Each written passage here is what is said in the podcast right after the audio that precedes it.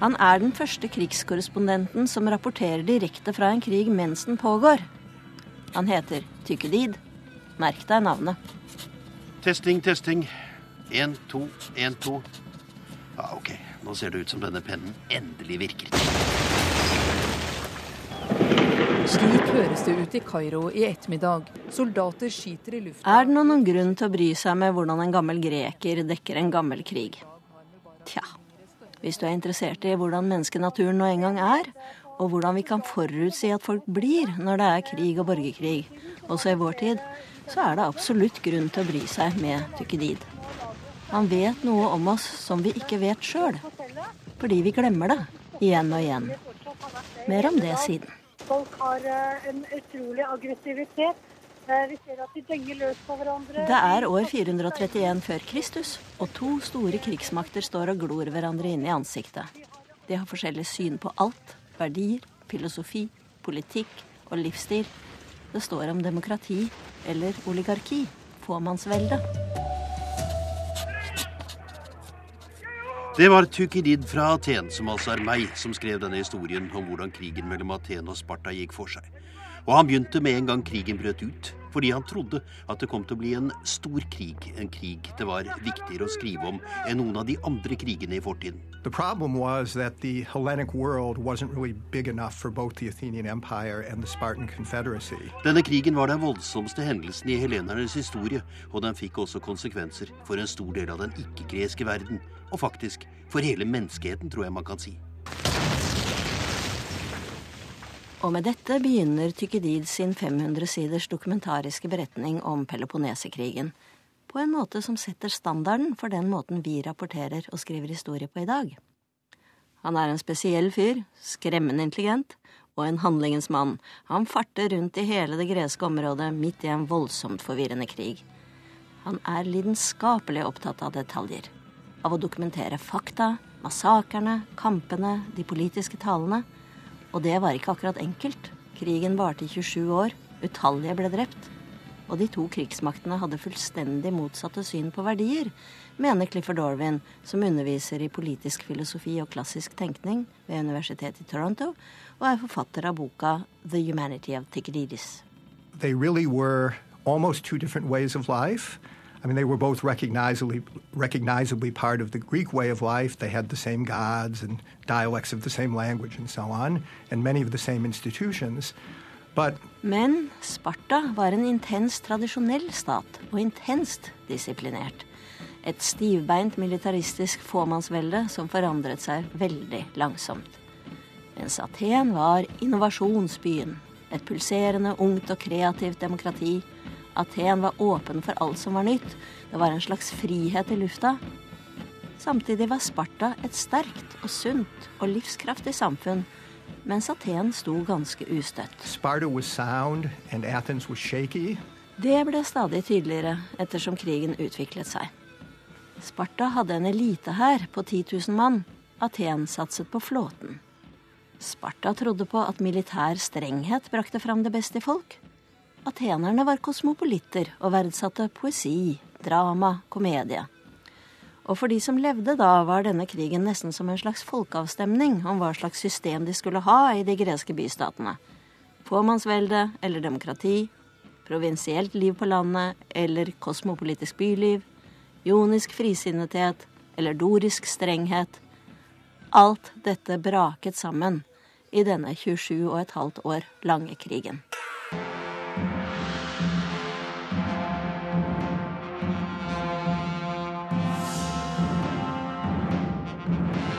Det som gjorde krigen uunngåelig, det var at Atens makt vokste. Og det førte til eh, stor frykt i Sparta.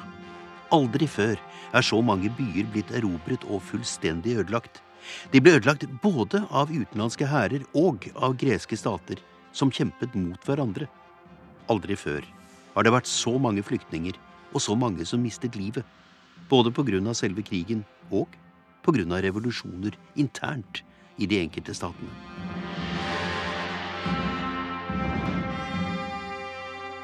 Så hvem trykket på avtrekkeren? States like these and their terrorist allies constitute an axis of evil. Well, we should remember that Athens didn't start the war, Sparta did. It preempted, to use that now controversial term. I will not wait on events while dangers gather. I will not stand by as peril draws closer and closer. The United States of America will not permit the world's most dangerous regimes to threaten us Det var et forkjøpsangrep, for å bruke et ord som er kontroversielt nå, sier militærhistorikeren Victor Davis Hansen. I 431 før Kristus gikk Sparta til forkjøpsangrep ved å invadere landområdene rundt Aten. Men hvorfor gikk det til forkjøpsangrep? Tykkedid mente at det var omtrent uunngåelig fordi Sparta mistet innflytelse, og Aten bredte seg utover kulturelt gjennom drama, gjennom litteratur, en pulserende økonomi, et variert militærvesen. The Spartans came to the at hvis de ikke did not preempt, 431, then their culture would be in.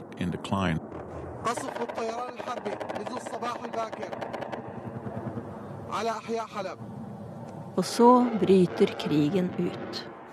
Atens freidige, selvsikre entusiasme møter Spartas rolige, trygge selvtillit. Og slaget sto ikke bare mellom disse to stormaktene. Bystatene i hele regionen blir sugd inn i konflikten, etter hvert som de allierte seg med enten Aten eller Sparta. Thucydides is brilliant in showing us how cities are drawn in. Tykkedid er helt briljant når han viser oss hvordan by etter by blir sugd inn i denne voldsomme krigen, sier Caroline de Wald, som er professor i historie.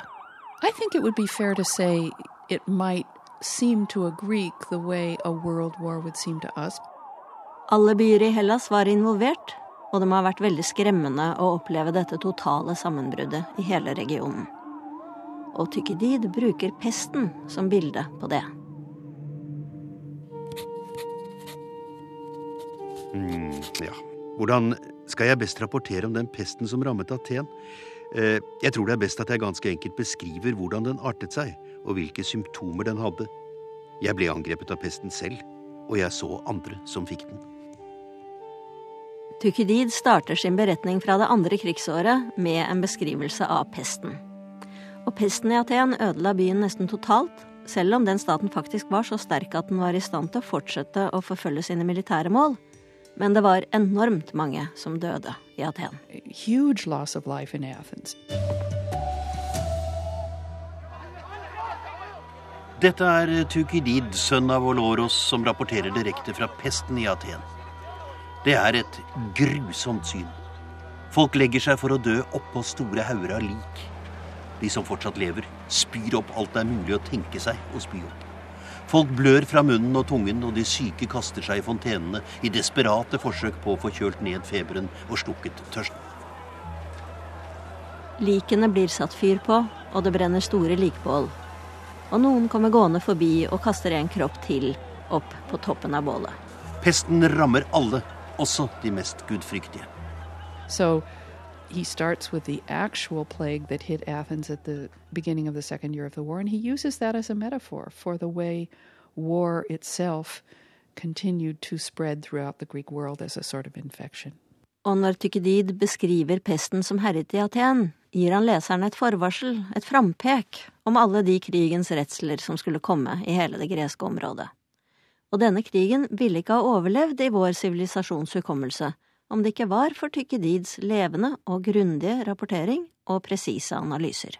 The Peloponnesian War is the most significant war because it has the greatest chronicler. Peloponneserkrigen er blitt den viktigste krigen fordi den har den viktigste historieskriveren. Målet hans var å komme så nær sannheten som mulig. Han var ikke interessert i sladder eller fikse lemfeldige historier. Hans mål var den rene, objektive sannheten. Helt i begynnelsen av rapporten sin distanserer han seg fra tradisjonell historiefortelling, av den typen som tror at gudene eller skjebnen spiller viktige roller i den virkelige verden.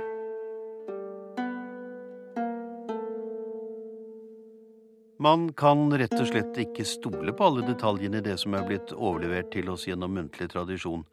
Folk er tilbøyelige til å godta alle historier fra gamle dager på en ukritisk måte. De fleste gidder ikke ta seg bryet med å finne ut hva som er sant. De er eh, mye mer tilbøyelige til å godta den første og beste historien de hører.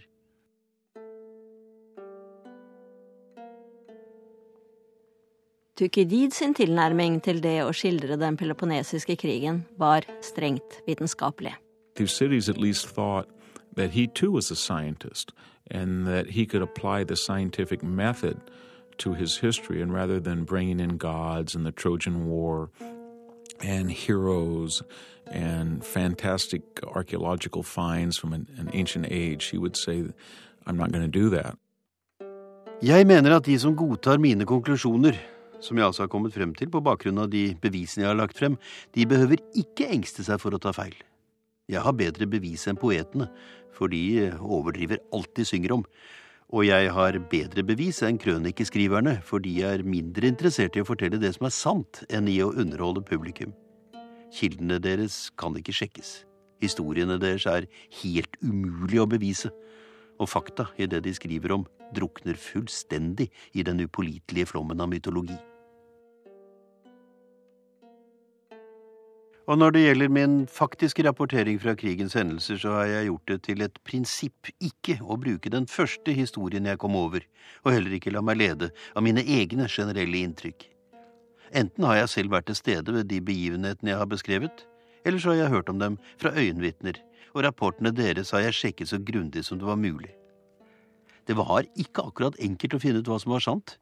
Forskjellige øyenvitner gir forskjellige beretninger fra en og samme begivenhet enten fordi de er tilhengere av den ene eller den andre siden, eller fordi hukommelsen deres ikke er pålitelig.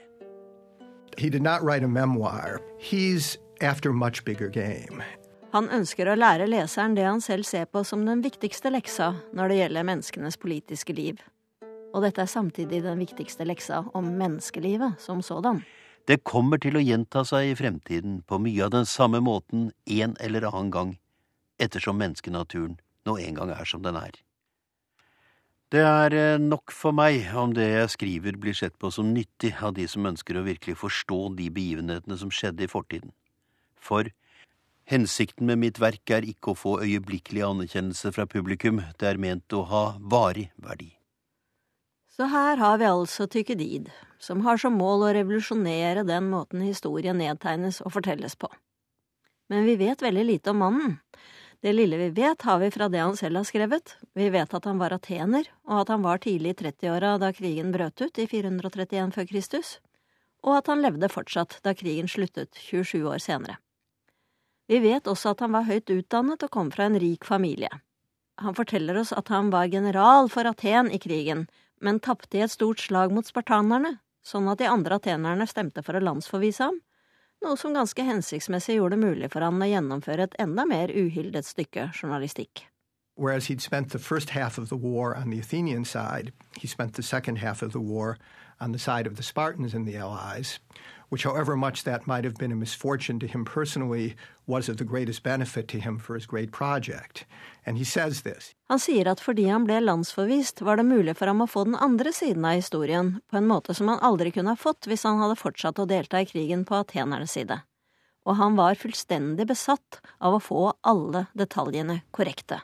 He traveled all the way through the Greek world interviewing people on all sides, as he says in Book Five, after his own exile. So he, he really was collecting facts and collecting them very carefully. He would get right who the commanders of the ships were, how many people were involved, where precisely the battle took place. At dataene er korrekte, det er det aller viktigste. He says that he tried to listen to what people said if he was there. If he was not there, he tried to get reports from others, and if he couldn't get uh, accurate reports, he tried to confirm them by witnesses. He consulted documents on stone and official records. Og samtidig med at teksten er veldig levende, så er den også utrolig kompakt. Problemet med å lese Tykkedid er at du begynner på side 1, og da har du 500 sider igjen, og du kommer til å støte på et sted mellom 10 og 20 000 greske navn på personer, på steder, på skikker, på protokoller, og det setter deg umiddelbart helt ut. Du begynner på Tikkedid, og hva i all verden er Akarnania? Og hva i all verden er Gerusia? You don't know any of these things, and they're, uh, they're just overwhelming. Det er her Robert Strassler kommer inn for å gjøre det litt lettere for ikke-eksperter å få tilgang til denne teksten. Well, I'm Robert Strassler, and uh, I'm identified as an unaffiliated scholar, which means I don't have an academic position. Men Strassler er lidenskapelig opptatt av klassikerne, og han hadde veldig lyst til å gjøre tykkedi tilgjengelig, så han har brukt ti år av sitt liv på å skrive en leservennlig utgave av teksten. Og boka hans, som han har kalt The Landmark Tykkedidis, er nå standardversjonen på engelskspråklige universiteter. Thucydides was instantly recognized as a masterpiece and difficult, and nobody ever tried to make it easier for somebody to learn it. Of course, I underestimated. I thought it would take me two years, and uh, Thucydides took me closer to ten years. Og Strassler, som alle andre som fordyper seg i Peloponnesekrigen, ble fullstendig overveldet over hvor utrolig sofistikert Tykkedids tenkemåte er, og hvor god hukommelse han har. You know, it's like when I read about people who could memorize the entire, whatever it is, 24,000 lines of Homer. I, I, say, well, that's, you know, they must have been sick. What's going on? I, what kind of brain did they have? Well, he had a very fine computer in his head. And he could remember a great deal. And he must have had long winter evenings with nothing to do. Og da satt han vel og skrev og svettet over notatene sine, kanskje. Og i stedet for en diger bokrull, så hadde han vel heller noe til å skrive små notater på, og kan kanskje ha utviklet en slags hurtigskrift, en stenografiskrift, som gjorde at han kunne skrive ned tingene sine lett og kvikt. Så vi har altså å gjøre med en mann som helt alene finner opp en ny måte å være krigsreporter på. Han vandrer omkring i gamle Hellas mens kampene blusser opp rundt ham. Han intervjuer alle fra alle slags sosiale lag som kunne tenkes å gi ham relevant informasjon. Papyrus ville ha vært det mest vanlige materialet å rable ned ting på. Men kan Tykedida strenet land og strand rundt med en gigantisk papyrusrull i skulderveska? Yeah, that's that's a funny idea of him walking around with a giant papyrus scroll. I suppose it's possible, although you know it, it, it's a humbling fact. It's been established that people in pre-literate cultures have much better memories than those of us who live in a literate culture. And Greek culture, while it was literate, was very much a culture of memorization. Um, you know, just as you have schools in the Muslim world today that teach primarily memorization, so the education of a of a well-born Greek schoolboy consisted, you know, um, primarily in memorizing Homer and so on. So we can be sure that. Uh, you know, the, the, the, Greeks generally probably had better memories than we did, and that, that, that Thucydides had quite an extraordinary one. Mm-hmm. But it's possible, as you say, that he lugged around that large scroll of papyrus. Who knows? Men han var nok veldig opptatt av å få skrevet ned sine korrekte fakta så fort som mulig. People had wax tablets on which they took notes. Vokstavlene så ut omtrent som forløperen til en smarttelefon. Det var altså en hengslet sak av tre med et deksel og en flate med voks på inni, og du kunne risse notatene dine inn i voksen og så føre dem på papyrus etterpå. Og sannsynligvis så behøvde han ikke å føre dem selv. Thucydides was a wealthy guy, so I think we can assume he would have been able to dictate to uh, some convenient scribe slash slave in his employ um, his thoughts. Så Tykkedid hamstret mengder av faktanotater i digre hauger. Men han tilbyr mye mer til leserne sine enn en liste av fakta. Han har en skarp vurderingsevne, så han ønsker å reflektere over hva en hendelse egentlig innebærer. He'll, he'll do that either in the context of a speech that someone's giving at the time, or more rarely his own analytic observations about the situation. And what's more, he recognizes that most people like journalism that conforms to their prejudices. Dette er jo en pest og en plage i dag, mener Orwin. Folk får bare nyheter fra kilder som har samme mening om nyhetene som de sjøl har, på forhånd.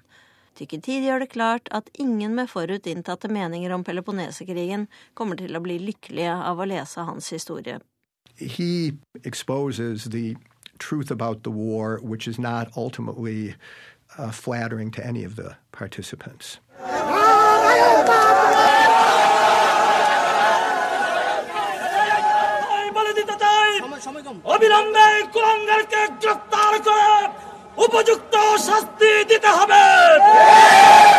Det er noen scener hos Tykkedid som blir regnet for å være selveste gullstandarden. Beskrivelsen av massakren i Korsyra er en av dem. Korsyra var en liten bystat som nå er kjent som øya Korfu, og det var den første bystaten som gikk i oppløsning tidlig i krigen. Corsaira became a political football between the two sides, and each of the two sides was seeking to influence events there. Og veldig raskt begynte det å bli stygt. Ettersom folk i byen sluttet seg til enten spartanernes eller atenernes sak med fanatisk lidenskap.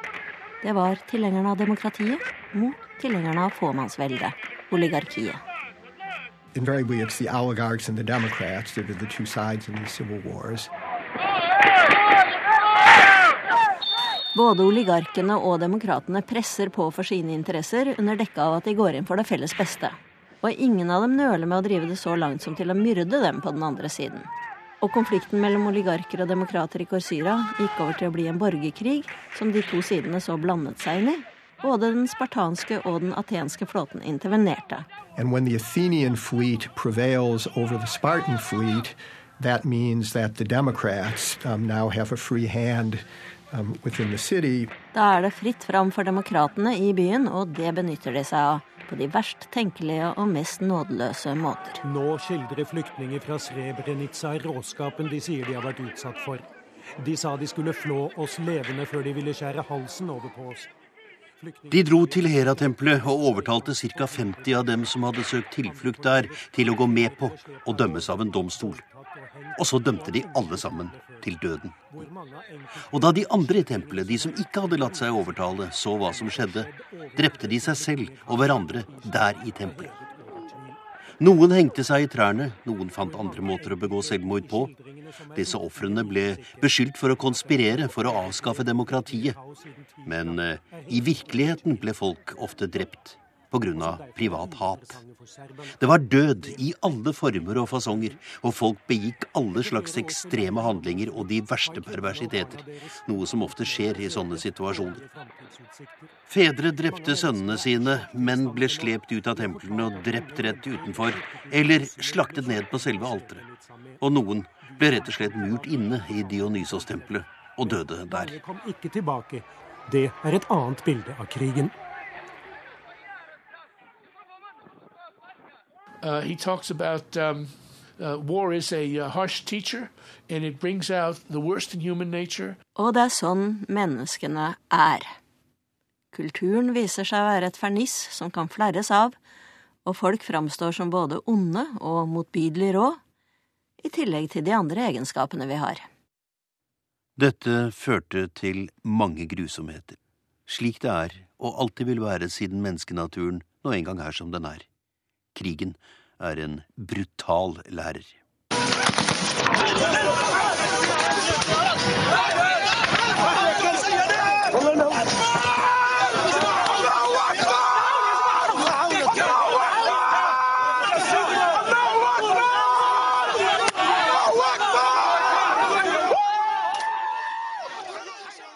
I think it uh, deserves attention. It's worth reading what he has to say about the Corsarian Revolution. And he takes one instance and makes a universal case for what happens to people in certain situations. Krigen er en brutal lærer. I en styrtsjø av blod står Tykkedin tilbaketrukket og ser på og sier i kapittel 82 den måten denne revolusjonen utviklet seg på, var så rå og brutal, og det virket enda verre fordi det var en av de første revolusjonene som hadde brutt ut. Senere ble jo praktisk talt hele den greske verden revet i stykker av disse interne revolusjonene i hver eneste bystat. Disse kampene innad i de forskjellige byene førte til mye grusomhet, noe som skjer, og alltid vil skje fordi menneskenaturen nå en gang er som den er. Krigen er en brutal lærer. But war is a stern teacher, and the Greek there is bios didaskalos. War is a both a teacher of violence and a violent teacher um, in the Greek. In depriving them of the power of easily satisfying their daily wants, it brings most people's minds down to the level of their actual circumstances. Selv språket går i oppløsning under disse grusomme forholdene. Ordene måtte også skifte betydning. Det som vanligvis var beskrevet som en tankeløs, aggressiv handling, ble nå sett på som mot. Det motet som man ville forvente å finne hos et partimedlem. Å tenke på fremtiden og vente, det ble nå til en måte å si at noen var en feiging på. Enhver tanke på moderasjon ble bare til et forsøk på å skjule sin umandige karakter. Fanatisk entusiasme var kjennetegnet på en virkelig mann. Og å dolke en fiende i ryggen var fullstendig legitimt selvforsvar. Constitute an axis of evil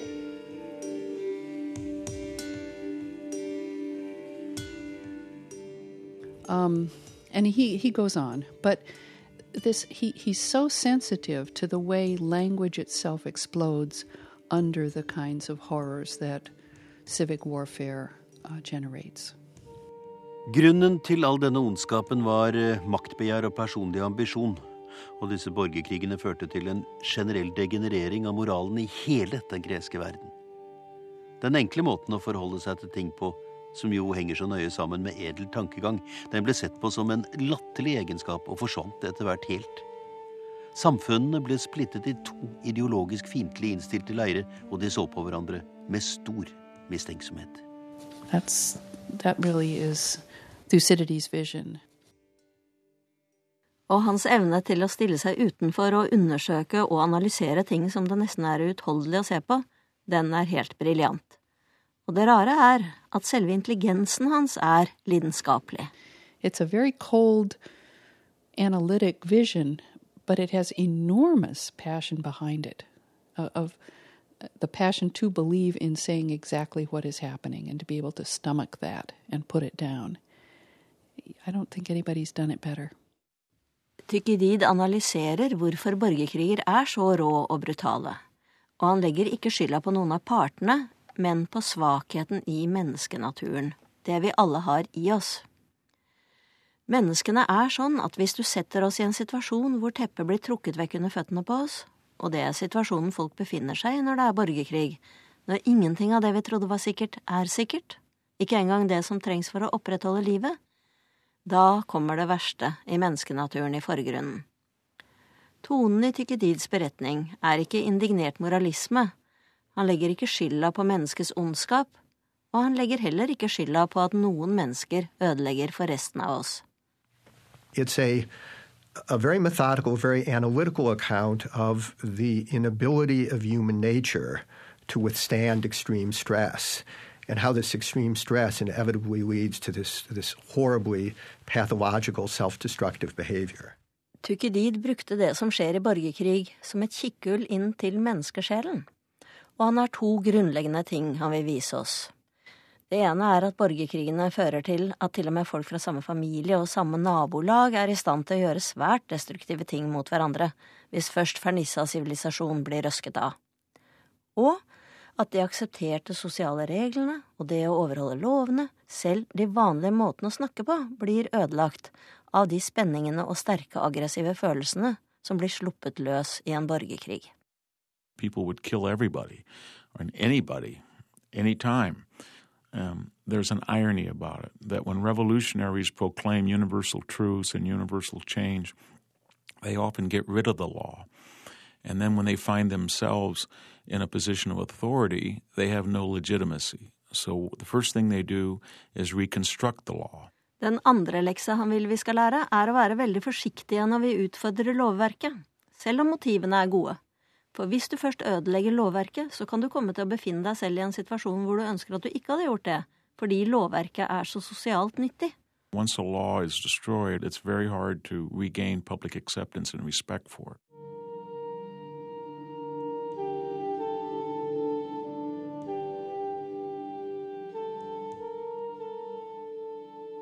I don't think that there's a profound sadness in Thucydides, as some people do. Uh, I think there's a profound um, resignation in Thucydides. Det er en dyp resignasjon hos Tykidid, men denne resignasjonen er en dyp bevissthet om hvor mye vi må avfinne oss med og slå oss til ro med, fordi de onder som hjemsøker menneskelivet, er så konstante og uunngåelige. I would call him a pessimist. Pessimist not in the modern sense of somebody gloomy and dreary, but more in the ancient sense of resolved and at peace with himself with his knowledge that humans are predictable. Og fordi han vet at mennesker kan være fornuftige og tilregnelige og i stand til store ting, men bare hvis de har klare regler, og familien og samfunnet og en statsmann som Perikles til å rettlede seg, og til å minne dem om at de ikke må gjøre ting som er ulovlige eller uetiske eller umoralske. Og derfor har Tykkedid antagelig vært en streng moralist i én betydning av ordet, men også en som har sett alt før. An old uncle who would say, you know what, this is absolutely predictable when he hears the news, or he'd say, what would you expect people to do? Of course they're going to do that. As if uh, he's seen it all before and he's somewhat uh, diffident about uh, what humans are capable of. Menneskenaturen forandrer seg ikke, så mennesker i 2013 vil grunnleggende ha de samme problemene og ha de samme reaksjonene på de problemene som de hadde i år 431 før Kristus. Og når det tynne fernisset av sivilisasjon er skrelt vekk, og det kan skje i revolusjoner, som den i Korsyra, eller det kan skje ved sykdom eller massehysteri, sånn som under pesten, og det kan skje i en lang krig, som i Peloponnesekrigen, da then people begin to act uncivilized and they act in predictably human fashion. And he wants to explore that and leave a guidebook for us to uh, keep those warnings in mind. Each time we gather to inaugurate a president, we bear witness to the enduring strength of our Constitution. We affirm the promise of our democracy. Tykkedid er også berømt for måten han får fram essensen i de store politiske talene på. Både de talene som ble holdt før krigen, og som førte til krig, og de som ble holdt under krigen. Taler som man kan høre ekko av i politiske taler i dag.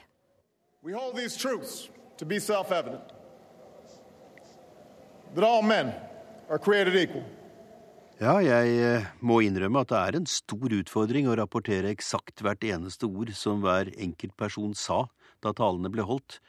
Jeg synes selv det er vanskelig å huske nøyaktig hvilke ord som ble brukt i de talene jeg hørte, og mine forskjellige informanter har opplevd akkurat det samme, at det er vanskelig å huske nøyaktig hvilke ord som ble brukt. Så min metode har vært å la talerne si det som hver enkelt situasjon krevde, etter min mening, mens jeg samtidig har holdt meg så nøyaktig som mulig til den generelle oppfatningen av hvilke ord som faktisk ble brukt. Perhaps the most controversial thing of all in his history. He says he tried to record what people said, and this is now in ref, reference to his uh, over 130 speeches in both direct and indirect discourse. He tries to record what people said as closely as possible, but in some cases that was impossible, so he put into their mouths words which they, given their character and given the situation as he knew it, they either did say or would have said or should have said. Og så trakk han ut essensen av disse lange og antagelig ganske vidløftige talene. Altså de elementene som han mente var de viktigste for å forklare enten talernes personlighet, hvis taleren var en viktig person, eller argumentene som ville påvirke det samfunnet som talen var henvendt til. So you see political thinking taking place in these speeches in a way that is available in very few other authors. Just a wonderful clarity and precision about how an individual would be thinking as he made his political arguments. We bear witness to the enduring strength of our Constitution. We affirm the promise of our democracy. Så uh, dette er i alt vesentlig det Perikles sa. Perikles var den store lederen i det demokratiske Aten da krigen brøt ut. Og en av de mest siterte talene opp gjennom århundrene har vært den begravelsestalen han holdt etter at den første runden med atenske soldater var drept i kamp. Han starter talen med raskt å ære de døde og forfedrene, men så går han fort over til å lovprise nasjonens demokratiske prinsipper. Vi har en statsforfatning som ikke kopierer institusjonene våre nabostater. Det er heller sånn at vårt system er et forbilde for andre enn at vi etterligner noen. Denne forfatningen kalles demokrati fordi det er flertallet som styrer byen, ikke noen få. Alle er like for loven. Det er også stor forskjell på oss og våre motstandere i vår holdning til militær sikkerhet. Vi gir alle adgang til byen, og vi utviser f.eks. ikke fremmede for å hindre andre i å observere hemmelighetene våre eller finne ut av dem. Vi satser nemlig ikke på hemmelige våpen, men på vårt eget mot og vår lojalitet. Tro på at mot skaper frihet, og at frihet skaper lykke. Ikke vik tilbake når dere står overfor alt det vonde som krigen fører med seg. What makes us exceptional, what makes us American, is our allegiance to an idea articulated in a declaration made more than two centuries ago. We hold these truths to be self evident that all men are created equal. Spørsmålet om i hvilken grad Tykkedid la inn sine egne meninger i de tallene han har gjengitt, er fortsatt et hett debattema forskerne imellom. Men det alle er enige om, er at mannen var et geni. He was a brilliant guy. You can tell that from the intensity of the analytic uh, uh, passages in the work. He's a brilliant thinker and writer, but, but what comes through is his intensity, the, the way he's torquing the language to get precisely the reality that he wants to convey and he'll use anything that he can to, to put you in the middle, so to speak, of the intellectual issues in play at any one time. I would guess he'd be a rather intimidating man to talk to. En nokså fryktinngytende fyr. Kanskje ikke akkurat den typen fyr som du kan sitte og sludre litt med og snakke om vær og vind. He would be only interested in what you had to say that was intelligent, that was real. Han har en slags strenghet og han var så interessert i å finne ut sannheten om hva som skjedde, at han ville foraktet alle ideologiske klisjeer, og han ville skrelte av all pretensiøsitet for å komme ned til det som han ser på som viktig maktforhold.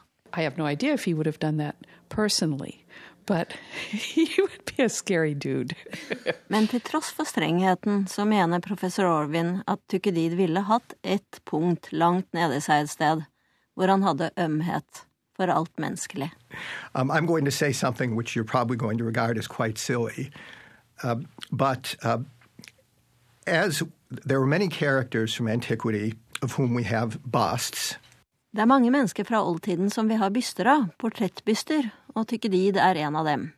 Og det er en versjon av en av de fineste bystene av Tykkedid i Royal Ontario Museum, så Orwin går ofte dit for å kommunisere med den. Nobody knew what these people looked like.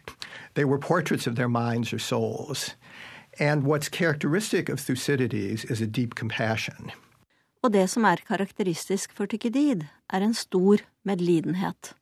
En dyp medynk som ikke finnes i de andre statuene. Det er noe av det mest tiltrekkende med Tykkedid. Det er en dyp bevissthet om menneskelig lidelse, og en dyp medfølelse med den som lider. På den annen side var Tykkedid en uvanlig sterk sjel, så denne lidelsen knuste ham ikke.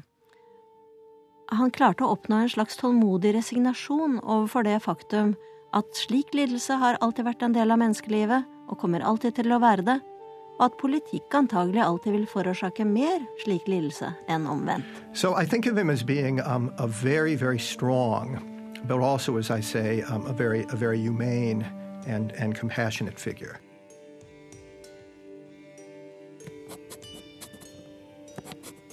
Kampene innad i de forskjellige byene førte til mange grusomme handlinger, noe som skjer, og alltid vil skje, fordi menneskenaturen nå en gang er som den er. Krigen er en brutal lærer. Å ta hevn ble til og med viktigere enn å være uskadd selv. Grunnen til all denne ondskapen var maktbegjær som kom til uttrykk i grådighet og personlig ambisjon.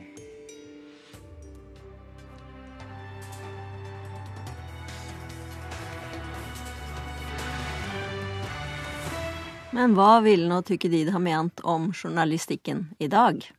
I suspect that you know, he would find uh, journalism that he would admire, although one does have to recognize you know, what the Thucydidean test for good writing is, which is will it bear the ultimate test of time? Det er ikke lett å bestå denne ultimate tidstesten. Kommer folk fortsatt å lese det vi skriver, 2500 år fra nå av, sånn som vi fortsatt leser Tykkedid etter 2500 år? Det er ikke særlig mye journalistikk som vil tåle den ekstremt vanskelige testen der.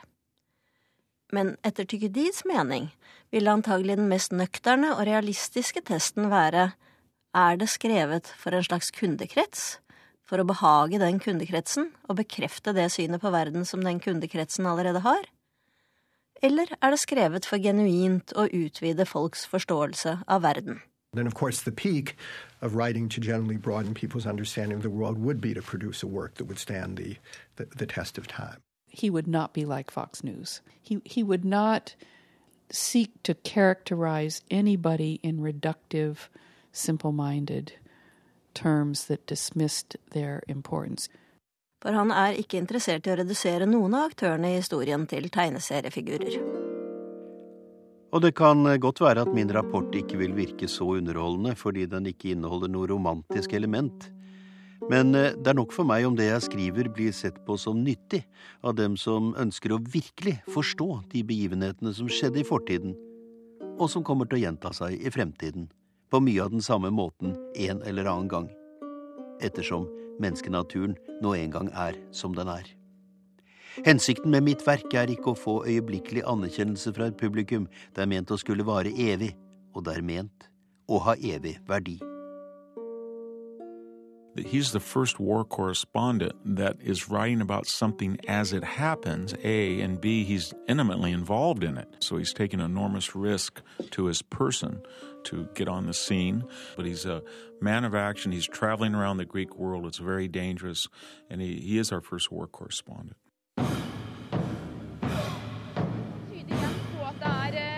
spesialstyrker er som har vært i Bagdad en stund, gjemt seg og sitter nå på, sitter nå på sentrale deler Dette er Tukidid, sønn av Oloros, som rapporterer direkte fra pesten i Aten. Det er et grusomt syn. Folk legger seg for å dø oppå store hauger av lik. De som fortsatt lever, spyr opp alt det er mulig å tenke seg å spy over. Folk blør fra munnen og tungen, og de syke kaster seg på hendene i desperate